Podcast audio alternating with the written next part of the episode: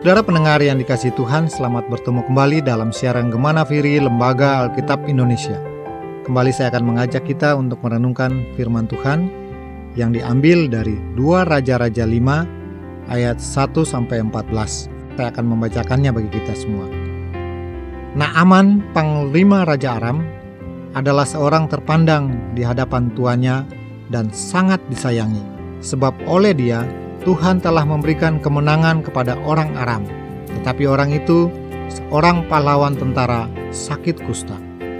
Orang Aram pernah keluar bergerombolan dan membawa tertawan seorang anak perempuan dari negeri Israel. Ia menjadi pelayan pada istri Naaman. Berkatalah gadis itu kepada nyonyanya, Sekiranya tuanku menghadap nabi yang di Samaria itu, maka tentulah nabi itu akan menyembuhkan dia dari penyakitnya. Lalu pergilah Naaman memberitahukan kepada tuannya, katanya, Beginilah dikatakan oleh gadis yang dari negeri Israel itu. Maka jawab Raja Aram, Baik, pergilah dan aku akan mengirim surat kepada Raja Israel.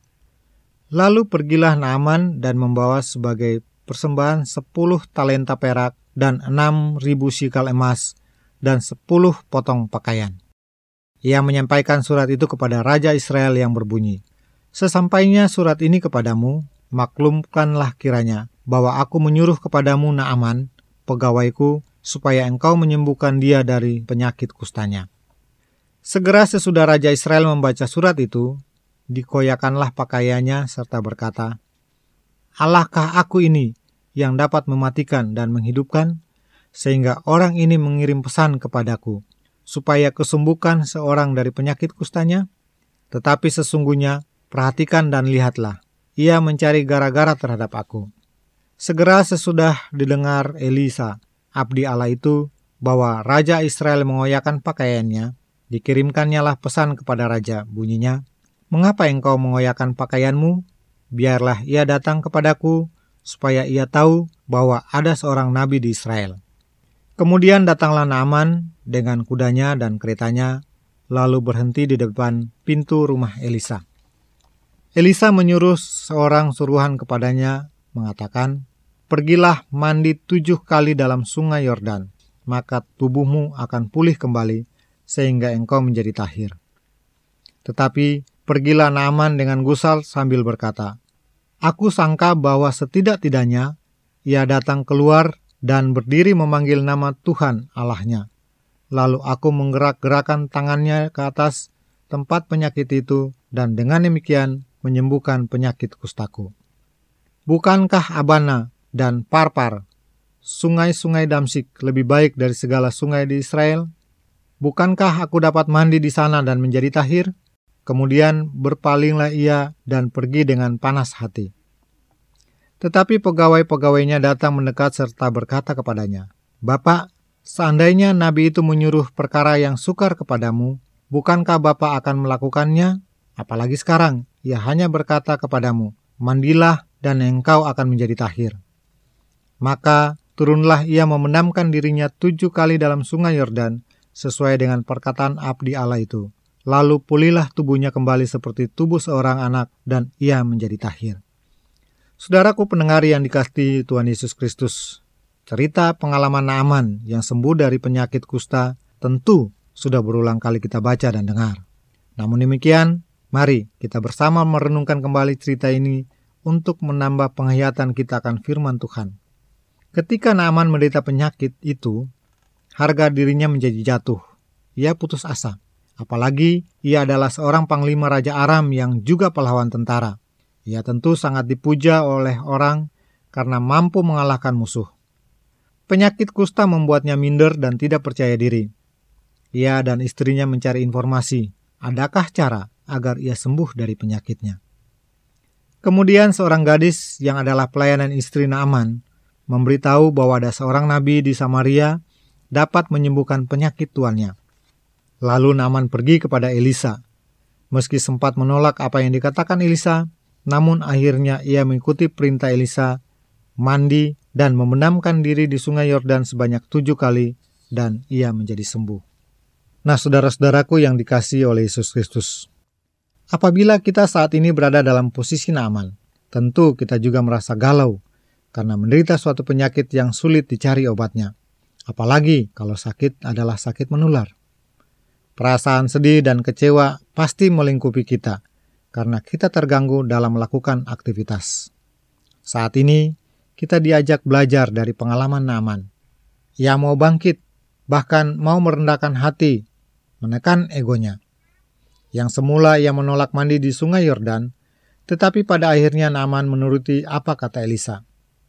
Seperti halnya Naaman yang tidak menyerah dan yakin akan beroleh kesembuhan, demikian halnya kita. Marilah kita memiliki pandangan positif menghadapi setiap halangan, rintangan, dan kegagalan yang kita alami. Orang-orang yang sukses bukan tidak mungkin mengalami kegagalan di awal perjuangannya. Daya juang dan kepercayaan diri untuk meraih sukses membuat mereka tahan uji. Orang-orang sukses tidak lagi alergi kegagalan, mereka melihat kegagalan sebagai keberhasilan yang tertunda.